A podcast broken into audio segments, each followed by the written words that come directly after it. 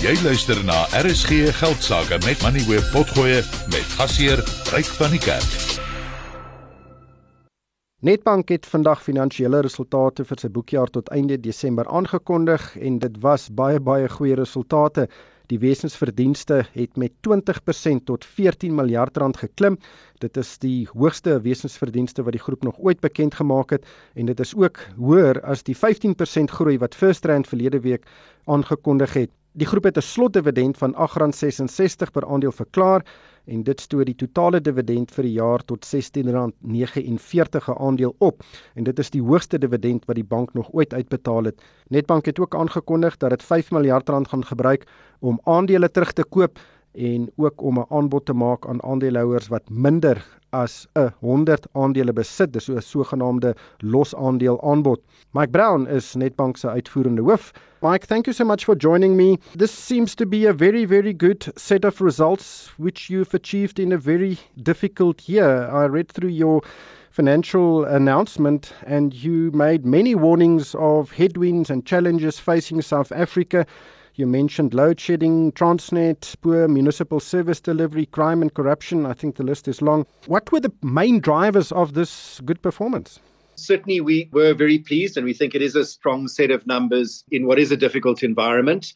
But if you look on the other side, our return on equity improved to 14%, and that's still below where we would like it to be. It's below where we were before COVID. So, as good as these numbers are, there's still definitely work ahead what drove this was actually delivery of our strategy and good performance across all of our businesses. Every single business cluster improved their return on equity and was able to generate double digit earnings growth with particularly strong growth in our businesses outside of South Africa and in our wealth business. And we also benefit from the rise in interest rates, which feeds through into our margins.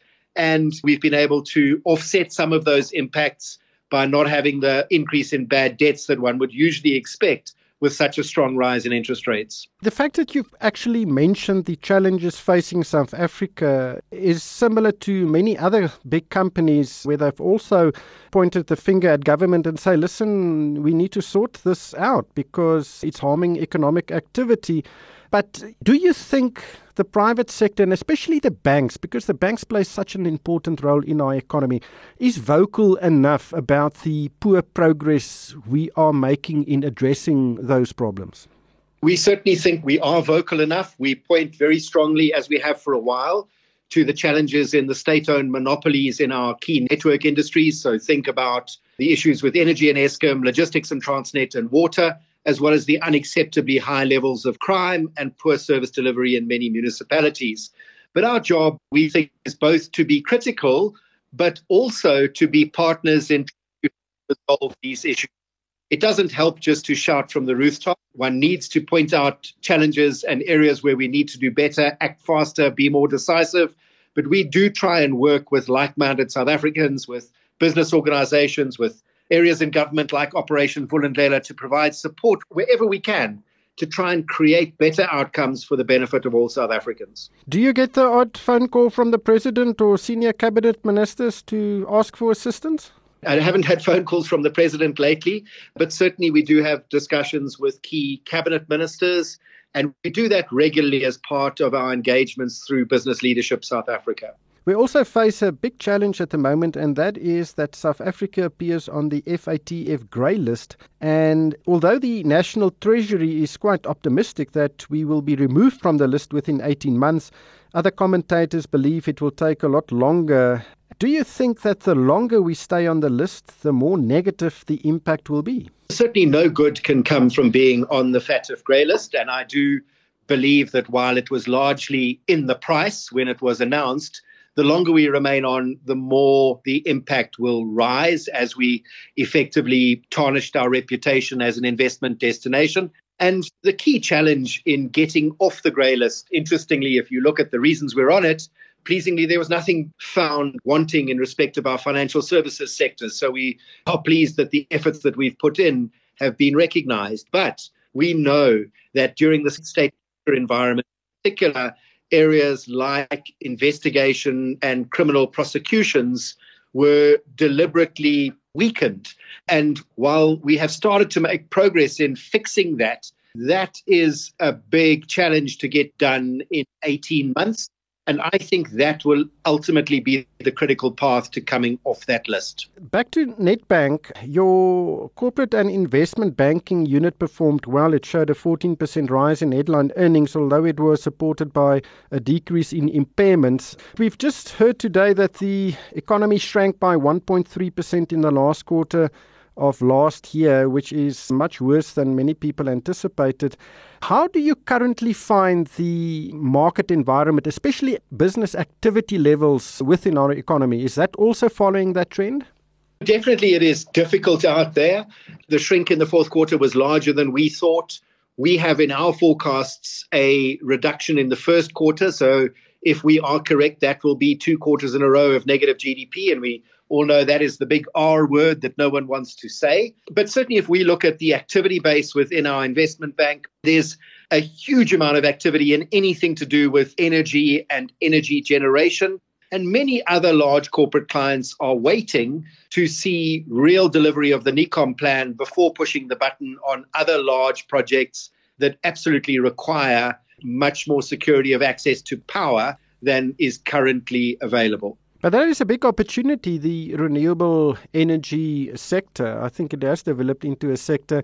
Many projects are already in a construction phase. There are many in the pipeline. And I believe there is a scramble from banks to finance these projects. Can you pick and choose? How long is the queue in front of Nedbank's door? There certainly is a large scramble from our clients who want to institute these projects to enable them to achieve security of energy supply at prices that they believe are appropriate. So, certainly, our energy teams are incredibly busy. And I think that that is a multi year opportunity because, as much as we should never have got into this crisis from an energy point of view, the only way out of the crisis on a sustainable basis is to significantly increase energy generation. And that requires both equity and debt financing. And there is a very key role for the banking sector and Nedbank to play in that. Mm. And then just lastly, you've announced a record dividend, but you've also announced an odd lot offer. And obviously, it stems from the Old Mutual's unbundling of its stake in Nedbank. Many shareholders would own fewer than 100 shares. And of course, that does create an administrative burden. Just how many shareholders do you have who owns fewer than 100 shares? So let's just start with what we announced today. I mean, in addition to record levels of profit, we actually have record levels of capital. The measure that everybody looks at in a bank is something called Common Equity Tier 1, and that's sitting at 14%. And our board target for that through cycles is somewhere between 11 and 12. So even after looking at growth prospects going forward, ensuring we've got enough capital to support our clients and the economy, we have a structural surplus in capital that we know is effectively diluting our return on equity and will be valued accretive to shareholders. What we have said is we're going to institute a 5 billion rand capital optimization program to be instituted by both a share buyback, so that will be a general share buyback in the market, as well as an odd lot program. And certainly the buyback program will be larger than the odd lot program. But post the old mutual unbundling, we did end up with several hundred thousand shareholders who own less than 100 shares, which is generally not economic for them to hold or for us to administer. So we will again have an odd lot offer. We did this the first time Old Mutual did an unbundling. They've done more than one, and every time we create these odd lots. Dit was Mike Brown. Hy is Nedbank se uitvoerende hoof. Jy het geluister na RSG Geldsaake met Money where potgoe elke weeksdag om 7 na middag. Vir meer Money where potgoe, besoek moneyweb.co.za of laai die toepassing af en volg Moneyweb News om dagliks op hoogte te bly.